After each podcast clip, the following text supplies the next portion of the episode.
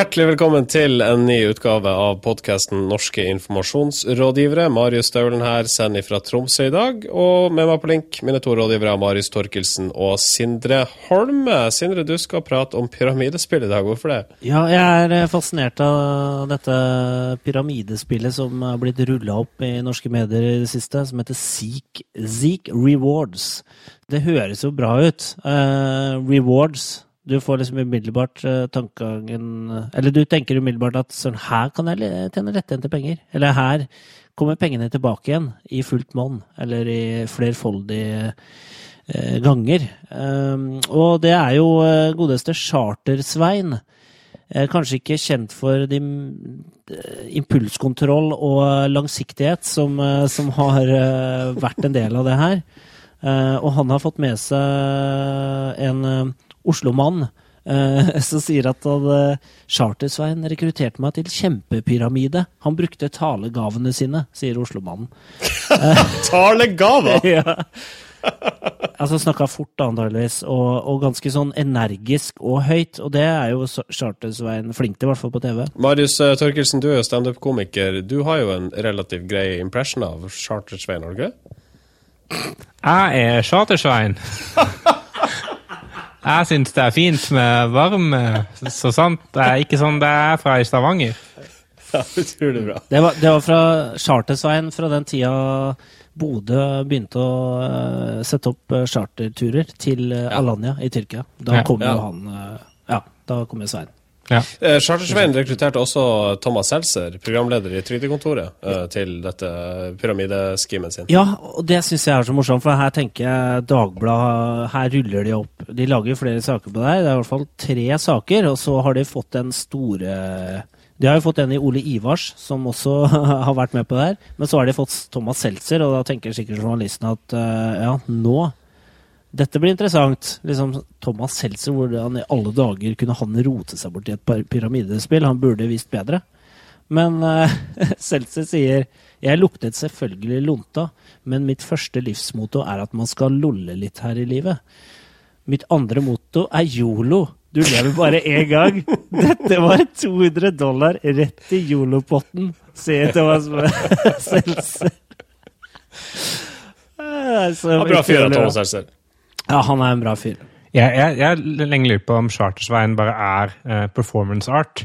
Uh, om liksom hele navnet hans er liksom en sånn uh, kommentar til hvordan charterturister oppfører seg. De oppfører seg som griser, som svein. Fyren som spiller Chartersveien, heter Tormod Christensen og jobba da ved Norges kunsthøgskole. Ja, han fikk aldri jobb ved Norges kunsthøgskole, skole, eh, så han eh, bega seg ut på sitt livs rolle.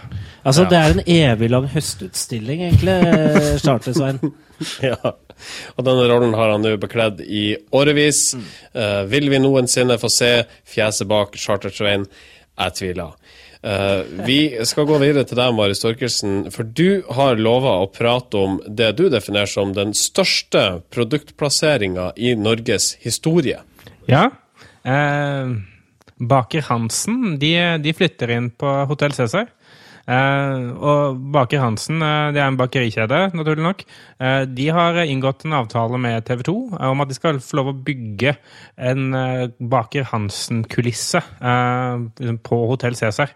Så den vil være i bakgrunnen for mange av de dramatiske scenene hvor, hvor Juni står der med hevede øyenbryn og Jens August er ond. Da kan man kjøpe skolebrød. Det kan lukte skolebrød gjennom eh, TV-ruta. Og det morsomste med dette er det er kult tenkt på en måte at man gjør det. Det morsomste er jo selvfølgelig at kampanje.com de så sitt snitt til å åpne opp ordspillkista og virkelig slå seg løs. De skriver bl.a. at baker Anker Hansen flytter inn på Hotell Cæsar. og så er jeg litt skuffa over at de ikke har tatt den, eh, den, muligheten som ligger i at uh, markedsdirektøren i Baker Hansen heter Morten Hals. De burde jo skrevet noe sånt som uh, uh, Nå blir det skjerf for Morten Hals, eller noe sånt. Mm. Ja, det burde de gjort. OK. Det her er jo ikke noe sted hvor du, liksom, de kasserte standup-vitsene skal brukes, da, Marius. Jeg må ha utløp for det. ja. Elendige tankevirksomhet. imitasjonene dine av eh, Chartersveien uh, og vitser som feiler på scenen. scenen. kunne sagt at Morten Hals har hodet på rett sted når han gjør denne investeringen. Det er greit. Den er fin. Vi eh, skal gi et kort frampek til eh, dagens eh, sending. Vi skal bl.a. prate om ekspert og deres i alle fall tidligere kritiserte We Will Rock You-kampanje. Vi skal innom Gelman Kise. Det er ikke første gang vi gjør det, heller ikke siste. Og vi skal presentere flatindeksen! Yay! Dette blir veldig bra, og vi sier hjertelig velkommen til NIR episode 66. Norske informasjonsrådgivere. Men vi starta i det profesjonelle byråkratiet. Stat og kommune svirer 300 millioner årlig på å forklare hva de sjøl skriver. Det melder Dagsavisen. Én av tre har trøbbel med å forstå offentlige brev og dokumenter. Det sier kommunalminister Jan Tore Sanner. Så da må disse folkene her ringe sine offentlige tjenestefolk, som med det binder opp unødig tid på svar på alle disse henvendelsene. Det er riktig. Så nå, eh, nå skal eh, Sanner, som er eh, moderniseringsminister, han skal eh, hjelpe kommunene nå å, eh, å kommunisere bedre. Han har bl.a. gitt KS, som er Kommunenes sentralforbund, 1 million kroner til et pilotprosjekt som heter Klarspråk i kommunesektoren. Eh, ja. Jeg har jobba litt med kommuner, så jeg vet at en million kroner til en eh, hel sektor med 425 kommuner, det kan bli interessant å se hvordan den skal fordeles i, på fornuftig måte. Men eh, jeg biter merke i at eh, Hogne Hove i plan- og bygningsetaten, han er veldig begeistra for dette her. For han sier at vi har et oppstartsnotat som har lansert et prosjekt, og vi har nettopp fått vedtatt en prosjektplan med innhold om framdrift som faktisk går over to år. Det var utrolig diffust. Så vi får se, da, eh, hva, om vi har noe troa på dette her. Og jeg vet ikke hva Tolkisen sier, men jeg er litt, sånn litt avventende på om eh, staten skal klare å begynne å snakke forståelig. At det er et behov for det, det er det jo ikke noe tvil om. Eh, Det er jo nesten så eh, uforståelig til tider at det bare blir komisk. Eh, Sindre påpekte jo det nå akkurat. Eh, Og jeg syns jo kanskje der man skal begynne, er bare hva skal man kalle dette forskningsprosjektet? Fordi klarspråk for kommunesektoren, allerede der merker jeg at jeg faller av litt. Eh, sånn, For hva er en sektor? Eh, Jeg syns ikke det er tydelig i det hele tatt. En sektor tenker jeg, ok, det er som en samling med et eller annet. Men kunne, man ikke bare starte noe annet Lære folk i kommunen å snakke forståelig? Kunne man kalt det det? Det hadde vært klart språk. Eh, Men dette er jo en eh, stor eh, fanesak for den blå-blå blå, regjeringen. For de har jo sagt at de skal, de skal forenkle offentlig sektor, og de vil vel egentlig kutte ned på byråkratiet òg. Så det er en kjempeviktig symbolsak for de. Så gjenstår det å se om de klarer å gjøre noe med det. Det har ikke vært Ja. Det har ikke blitt bedre på en stund, så det kan vel ikke gå så mye verre kanskje heller. Så lykke til. Jeg, jeg syns jo det er viktig at eh, dette her kommer fra en uh, Høyre-mann, eh, som jo Sanner er. Og jeg syns det er eh, interessant at eh, et sånt ordspråk de har i Høyre, eh, det er eh, et ordspråk det henta fra Jan Petersen, eh, tidligere finansminister og gud veit hva han var.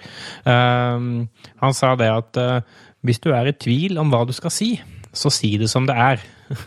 Og eh, det tenker jeg det er egentlig minimum for liksom det å kunne føre en samtale med noen. Altså, Hvis det liksom er det Høyre er bygd på, så, så er det eh, interessant. Høyre er klarspråkpartiet. Høyre er eh, et, et parti som tilstreber en eh, oral overveksling av uh, lyder, som skal tilstrebe en felles enighet, uh, dernest ikke på bekostning av andres mening, religion og fremtoning, hvis ikke det dekkes av andre bestemmelser. I henhold til. I henhold til. Vi setter strek der. Norske informasjonsrådgivere. Eh, Vi skal til Gelmiden Kise igjen, som med jevne mellomrom deler ut eh, disse prisene sine. Tåkeprisen og Tåkelurprisen. Disse prisene går da til folk eh, eller virksomheter som har vært henholdsvis diffuse eller svært klar i sin kommunikasjon. Og I den siste utdelinga har sjefen Andreas Vabø fått begge to. Ja, Tåkeprisen den deles, eller Tåkefyrsteprisen som det vel heter, eh, den deles ut eh, til eh, folk som den siste måneden har uttrykt seg på en måte som gjør det komplett umulig å forstå hva de egentlig mener. Og Vabø vant jo da dette av det omtalte blogginnlegget The Crazy Ones, hvor han påpeker at uh, GK de er ikke et vanlig kommunikasjonsbyrå, de er et crazy kommunikasjonsbyrå som deler ut sandwicher på gata osv. Det har vi vært innom, så jeg skal ikke, jeg skal ikke um, ta han med for det. Uh, men uh, de, de, velger jo også å gi han da Tåkelurprisen, som er en pris for de som skjærer gjennom tåka og uttrykker seg klart og tydelig. Og det får han for et intervju i Aftenposten uh, som uh, han hadde. Ja, og da, da også i forbindelse med uh, dette opprinnelige innlegget, der han altså blir intervjua i Aftenposten, hvor han blir bedt om å må forsvare innlegget og forklare hvorfor han formulerte seg slik han gjorde. Ja, og det er, det er Hva skal jeg si? Jeg vil unngå å si det, men legger han seg vel på en måte flat. Han sier jeg var ruset på engasjement, det ble klønete, for svulstig språk, for mange fremmedord, klisjeer, selvforherligelse, selvskryt, hele menyen. Han er selvkritisk, da, men er det nødvendigvis eh, tydelig tale? Uh, han angrer, uh, er vel egentlig riktig å si. Jo, det er nå én ting, men uh, la, meg ta, la, meg være djevelens advokat i dette NIR-panelet. For Aftenposten spør han nok igjen, uh, spør han nok en gang hva er en storydoer? Og da trekker Vabø fram et eksempel her fra landet, og da i utstyrsleverandøren Stormberg, som altså har en visjon om å gjøre verden til et bedre sted. Uh, og uh, han påpekte at Stormberg de gjør noe når de sier at de vil gjøre verden til et bedre sted. De rekrutterer 25% av de ansatte blant mennesker som av forskjellige grunner har møtt utfordringer i arbeidslivet. Enkelte ansatte i Stormberg har vært i fengsel. Så de uh, gjør da ord til handling. Og jeg syns at akkurat dette eksempelet som Vabø bruker i sitt svar i Aftenposten, er veldig godt. Altså Det illustrerer veldig godt hva storydoing er, selv om vi alle er enige om at storydoing-begrepet egentlig ikke beskriver noe nytt. Han er jo tydelig i intervjuet sitt i form av at det er lett å forstå hva han mener. Eh, men jeg syns jo ikke at Eh, hvis man legger til eh, grunnen for de prinsippene eller ikke-prinsippene som denne tåkelurprisen skal ha, da, så, så syns jeg ikke at det er en sånn spesielt god utdelelse. Jeg, jeg skjønner jo hvorfor GK gjør det. Det er jo en morsom, en, en morsom PR-gimmick, på en måte. Og de vet jo at de får omtale på at de gir ham både den verste prisen og den beste prisen het. og så er det bare en pris de har funnet opp, så man kan jo si at det finnes ikke noe, noe kriterier for det. For sånn sett, da. Eh, men man kan jo spørre seg om dette er liksom et uh, forsøk på å redde litt ære likevel for, for, en leder som uten fil er veldig flink, men som kanskje ikke hadde fortjent det mest i mars. da. Nei, altså jeg tror altså, Hans Gelmin skriver at Andreas Wabe er en bedre leder enn blogger. Uh, det syns jeg var ganske godt sagt. for jeg tenker sånn Ansvarsfordelingen der kanskje internt burde kanskje være at Hans Gelmin er den som snakker tydelig, mens Andreas Vabø er den som leder. Eller han kan få en uh, ghostwriter til å gjøre uh, jobben for seg, hvis ja, han har lyst til å ytre Ja, han kan få Hans Gelmin til å være ghostwriter. Ja.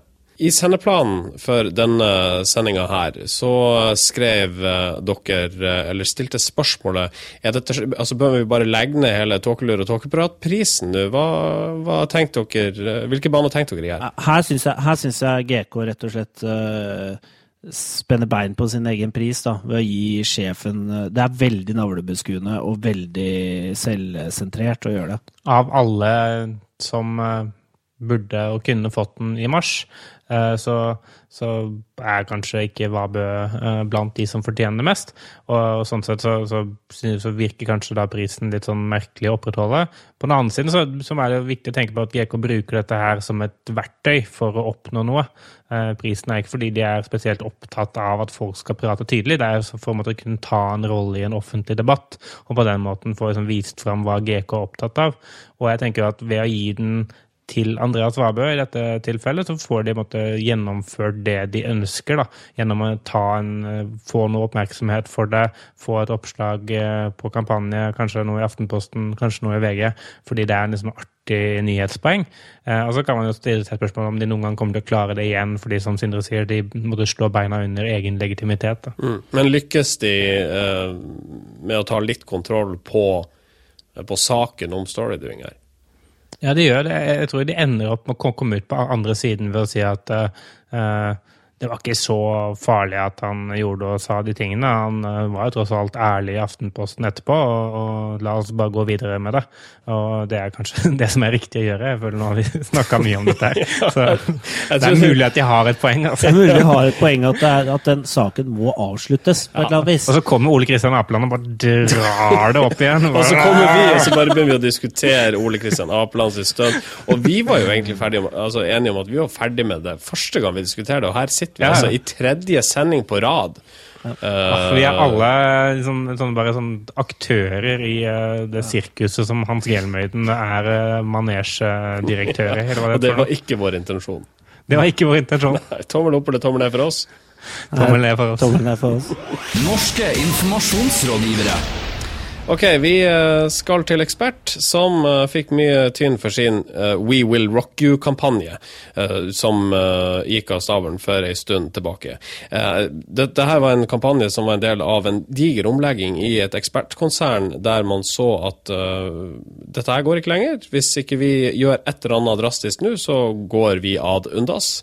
Så ekspert de skrøt i denne We Will Rock You-kampanjen av bl.a. å ha sparka en hel haug med ansatte. Eh, så fikk de en del tynn i pressen. Nå ser vi det at Ekspert har gått fra 800 mill. i minus til 200 millioner i pluss. Yes! Eh, oh, jeg følte meg som en litt sånn eh, ensom eh, uh, måke på dekk. Er det et uttrykk dere bruker der nordpå? Uh, I, i, I, denne stormen som, eh, som sto i fjor, i fjor, rundt dette her. Fordi jeg, jeg, var jo en av de få som faktisk var ute og forsvarte dette, syntes det var lurt. Og det er så deilig å si hva det jeg sa, fordi dette har jo åpenbart fungert ekstremt bra. Og du har dokumentasjon på det òg, for det, denne konklusjonen traff du altså i en av våre podkast-episoder. Ja, dere kan lete dere tilbake. Og mitt poeng den gangen, da, eh, for å bare klappe meg enda mer på ryggen, skulderen, var det at Eh, hvis man skal liksom virkelig få troverdighet for at man har gjort en endring, så er man nødt til å bevisføre det på en eller annen måte. Og eh, folk flest eh, bryr seg veldig lite om hva elektronikkjeder driver med, og om noen endrer seg eller ikke, det er ikke så interessant. Men når man faktisk fører så drastiske bevis som at vi har sagt opp en haug med mennesker, så er det et veldig kontroversielt og veldig tydelig bevis som skaper veldig troverdighet for at shit, da må de ha billig brødristere der. Det er jo ikke noen folk igjen som jobber der. Tenk så billig brødristere terrorister det blir av det?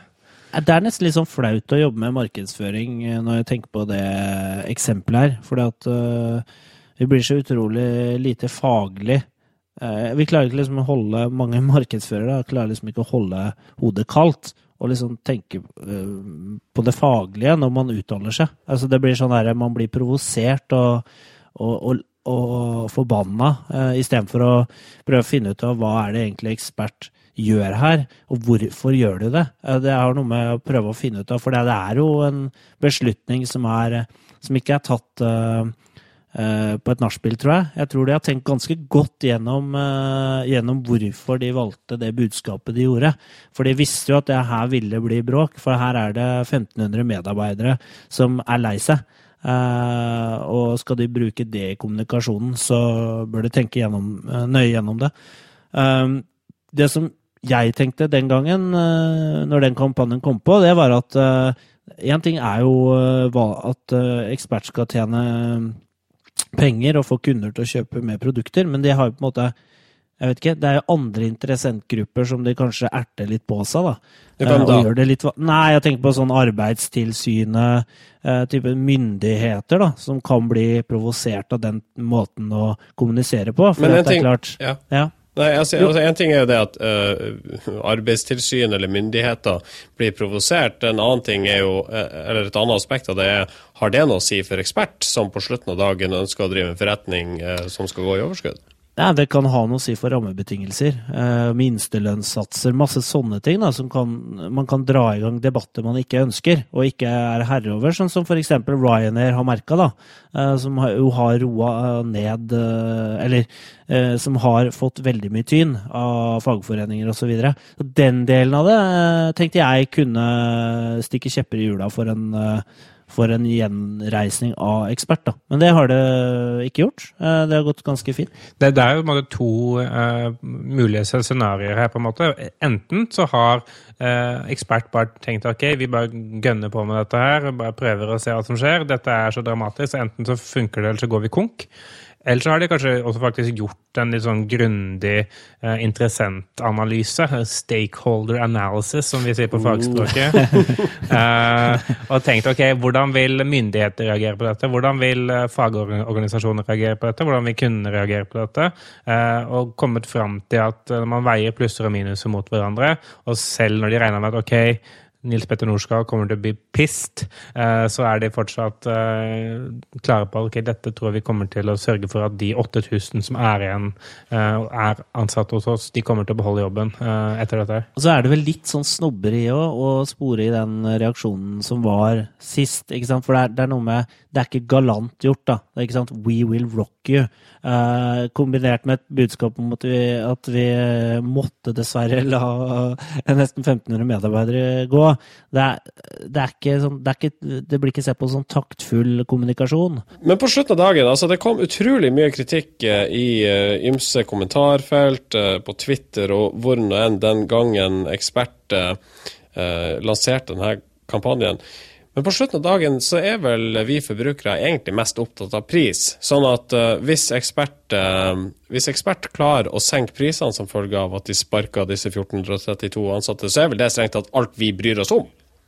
Og, vi, og, det verste er at de trenger ikke engang å senke prisene. De trenger bare å få oss til å tro at de gjør det. Ah. Sånn fordi, de, altså, fordi, det er få som sannsynligvis sammenligner hvor mye koster en vaskemaskin der og en vaskemaskin på Elkjøp, med mindre man har tenkt å kjøpe vaskemaskin der. Uh, de har der ikke samme modellen engang. Man, man, har bare, man har bare bygd en posisjon på at uh, vi har ingen folk her, som, ingen som jobber her lenger. Vi har ett stort lager istedenfor mange, åtte små. Uh, selvfølgelig er dette billig. Altså, det, er, det, er, den posisjonen man trenger å skape i forbrukerens hode. og så kan man jo diskutere om det er riktig eller, eller ikke. Jeg syns ikke det er spesielt fair, men, men det fungerer jo. Og det, og det, er jo to men, forskjellige diskusjoner, på en måte. Ja, ikke sant. Det er jo troverdig, mm. eh, på en måte, kommunikasjon. At eh, ja, nå har vi spart så mye kostnader at vi har eh, Det gjør at vi kan senke prisene, og det tror folk på.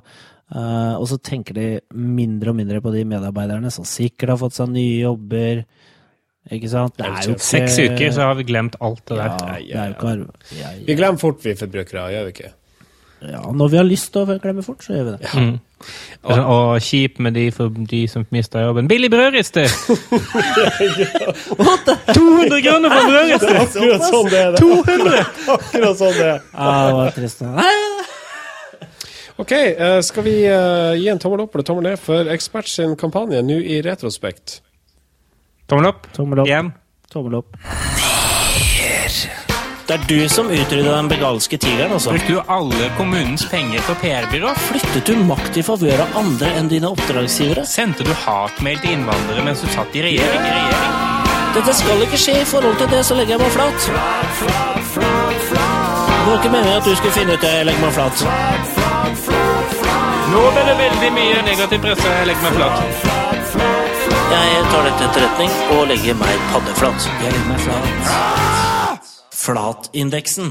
Det er klart for Flatindeksen igjen. Det stadfesta den jingeren klart og tydelig. Eh, og dette er de spalte Marius Torkelsen. Tusen takk for at jeg får lov å slippe til med flatindeksen igjen. Eh, hvis virksomheter, eh, idrettspersonligheter, spedbarn og vaskebjørner gjør noe galt, så får de kritiske spørsmål av mediene. Og hvis man ønsker at de kritiske spørsmålene skal forsvinne, så sier man bare det var galt gjort. Jeg legger meg flat, og så blåser det over.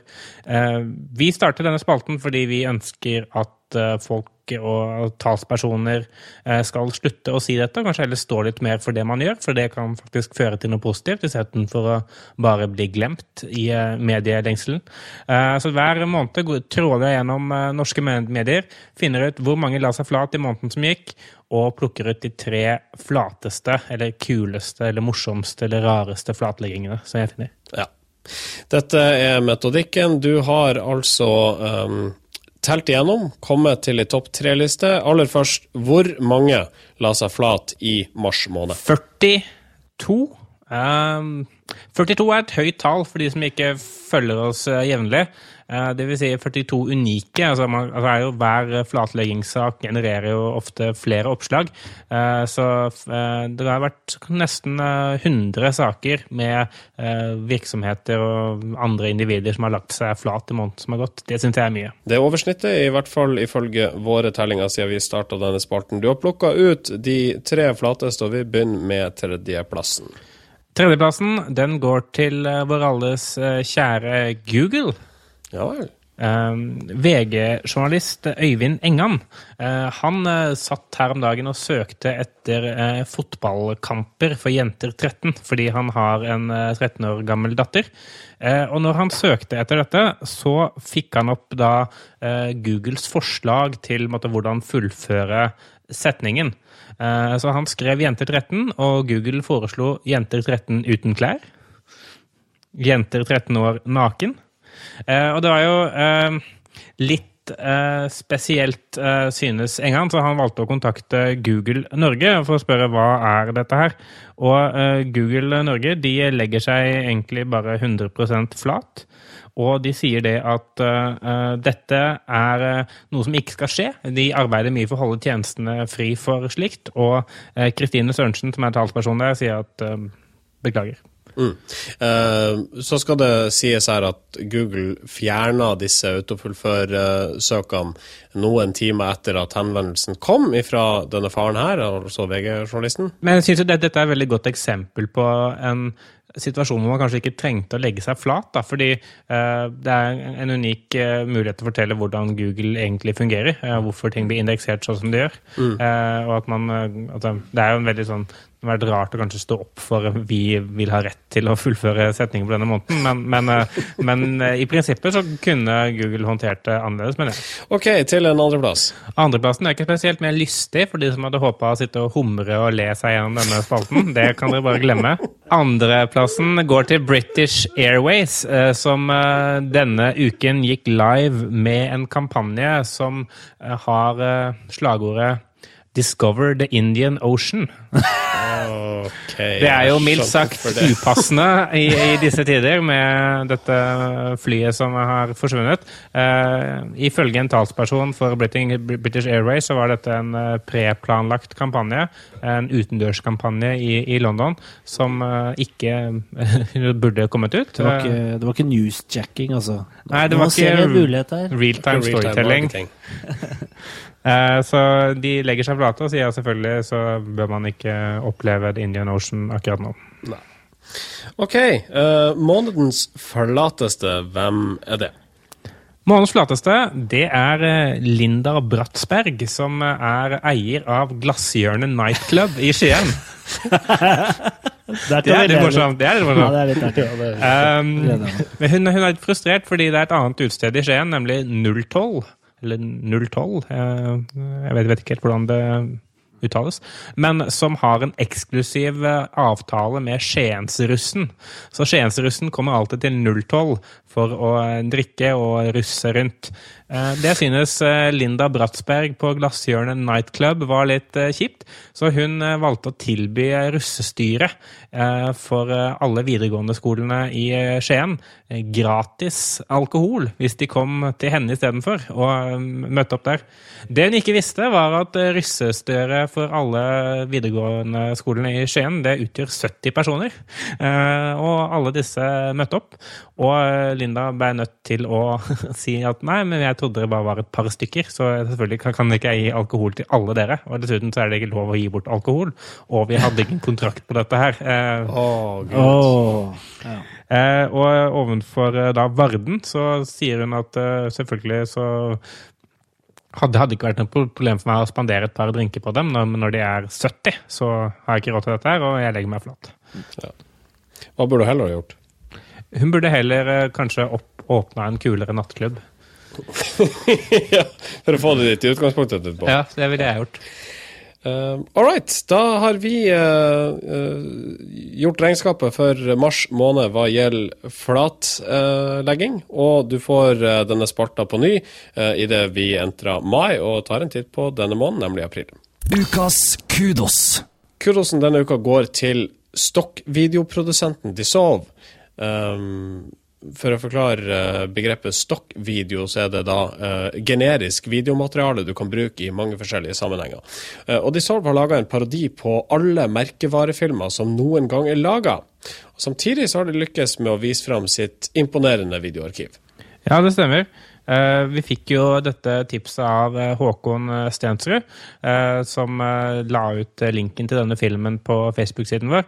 Og grunnen til at vi syns denne filmen er såpass bra at den er valgt verdt å ta med i Kudos, er fordi eh, de gjør to ting. Eh, de både lager noe veldig morsomt innhold, eh, som er litt sånn lett å dele, og de gjør, lager innhold som er veldig relevant for virksomheten selv. Altså Det er også, også god reklame, fordi de får vist frem veldig mange fine kall det videosnutter.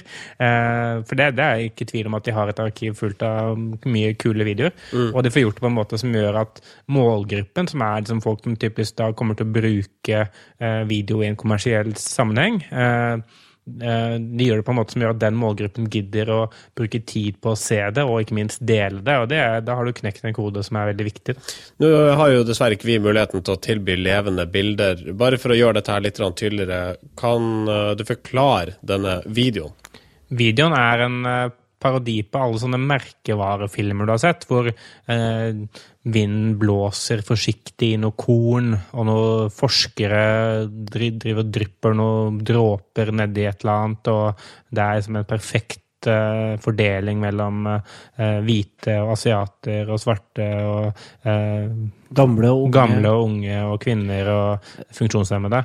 og alt man skal virke som denne virksomheten, den er fremoverlent og emosjonell og tydelig. Mm. De, de, de, klarer å få fram det her Når du ser den type sånn brand-filmer, da, ofte som er litt sånn pompøse, så, så, føles det litt sånn genuint, det du ser. Samtidig er utrolig uh, generisk. Uh, det er veldig sånn flatt på en måte, fordi det er liksom lagd Det er produsert uh, på en måte, da, for å liksom passe inn i i en, i en, liksom veldig sånn, en sjanger som er utrolig velbrukt. Sånn at, eh, men samtidig så får de fram liksom hvor bra kvalitet det er på det stoffet de har. Ja, For det er deres egne videoer, dette her. Ja, det er det. Og, og så syns jeg altså den, den voiceoveren er fantastisk. altså Den måten den voiceoveren er lest inn på med sånn fantastisk innlevelse og liksom oppriktighet, men samtidig også litt sånn snert, eh, den er veldig fin. Den bør vi egentlig spille av. Vi kan uh, spille en liten snutt av den. We think first of vague words that are synonyms for progress and pair them with footage of a high speed train. Science is doing lots of stuff that may or may not have anything to do with us. See how this guy in a lab coat holds up a beaker? That means we do research. Here's a picture of DNA. Generisk eh, brand-video der med en uh, rett så imponerende voiceover. Det er hele NIR-panelet enig i. Kudosen går altså til uh, Dissolve, som er en produsent av såkalt stokkvideo. Vi gratulerer. Jeg vil bare legge til det at uh, jeg sitter og leser på en uh, Altså, på hotellrommet jeg sitter, så har de hengt opp historier om Skibotn, som da er en uh, botn på østsida av Lyngsnes. Sier du det? Hva, hva, vil du si er det mest fascinerende med historien til Skibotn? Uh, det mest fascinerende med formidlinga av historier uh, om Skibotn, er at de skriver under andre verdenskrig anla tyskerne flere forsvarsverk, forsvarsverk opp i dalen. Altså en helt annen verdenskrig, rett og slett. Ja, de særskrev verdenskrig mm. da de skrev dette her. Mm. Hvor er, eh, hvor er, den andre verden? Star Wars, kanskje? Altså en annen ja. parallell virkelighet. Under Star Wars episode 5. Ja. Men det, det, er ikke, det, er ikke, noe annet særskriving i den teksten der. Det er kun når de skriver under andre verdenskrig og under første verdenskrig. Kanskje at det ikke er feil? For eksempel bolagstiden. Det er skrevet korrekt. Ja, det er, det er noe som folk flest skriver feil. Ja. Hver gang jeg skriver en mail som inneholder bolagstiden, så særskriver jeg det. Ja, jeg har sett det i ymse kommentarfelt. Uh, bolagstiden. Jeg skriver, jeg skriver alt, alt, jeg skriver alltid bolagst i den. Gjør det, ja. ja. ja. All right. Er det noe mer vi skal prate om avslutningsvis? Jeg, jeg har bare lyst til å spørre deg om, eh, om du liker den nye jobben din. Ja. Altså, nå har du vært, vært der i snart uh, ni måneder, eller noe sånt. Syns du det er gøy å jobbe og ikke studere lenger? Er det meg du prater til? Ja? Jeg syns at jobben min er bra. Det er mye bedre enn å studere. Eh, jeg hadde en tidligere journalistkollega som sa til meg eh, Marius, eh, du kommer til å elske livet som student. Og jeg kan konstatere etter tre år som student nei, det kan jeg ikke. Du tok feil, Rune. Du tok fullstendig feil. Det var ikke noe artig i det hele tatt. Konstant blakk. Satt hjemme på hybelen, deppet. Drakk den billigste vinen jeg fant på bordet. Det var en tragisk tid. Nå, men nå, nå drikker du dyr vin. Jeg drikker eh, litt dyrere vin. Ja. ja, men det er bra. Ja. Jeg opp oppfordrer forresten alle lytterne våre til å gå inn og like Statens vegvesen Sør-Varanger eller annet sånt på, på Facebook. Oh, ja. Du kan også like oss på Facebook. Facebook.com slash Nearcast. ja. Du kan uh, plapre om oss eh, på Twitter med hashtaggen Nearcast. Du kan høre på oss på soundcloud.com og på iTunes, og lese om alle sendingene på kreativtforum.no. Og send oss en e-post da vel på nearcast.yahoo.com. ja. Og med de optimistiske oppfordringene så setter vi sluttstrek for i dag. Marius Staulen signer ut. Sindre Holme signer ut. Marius, ha det. Vi snakkes. Norske informasjonsrådgivere.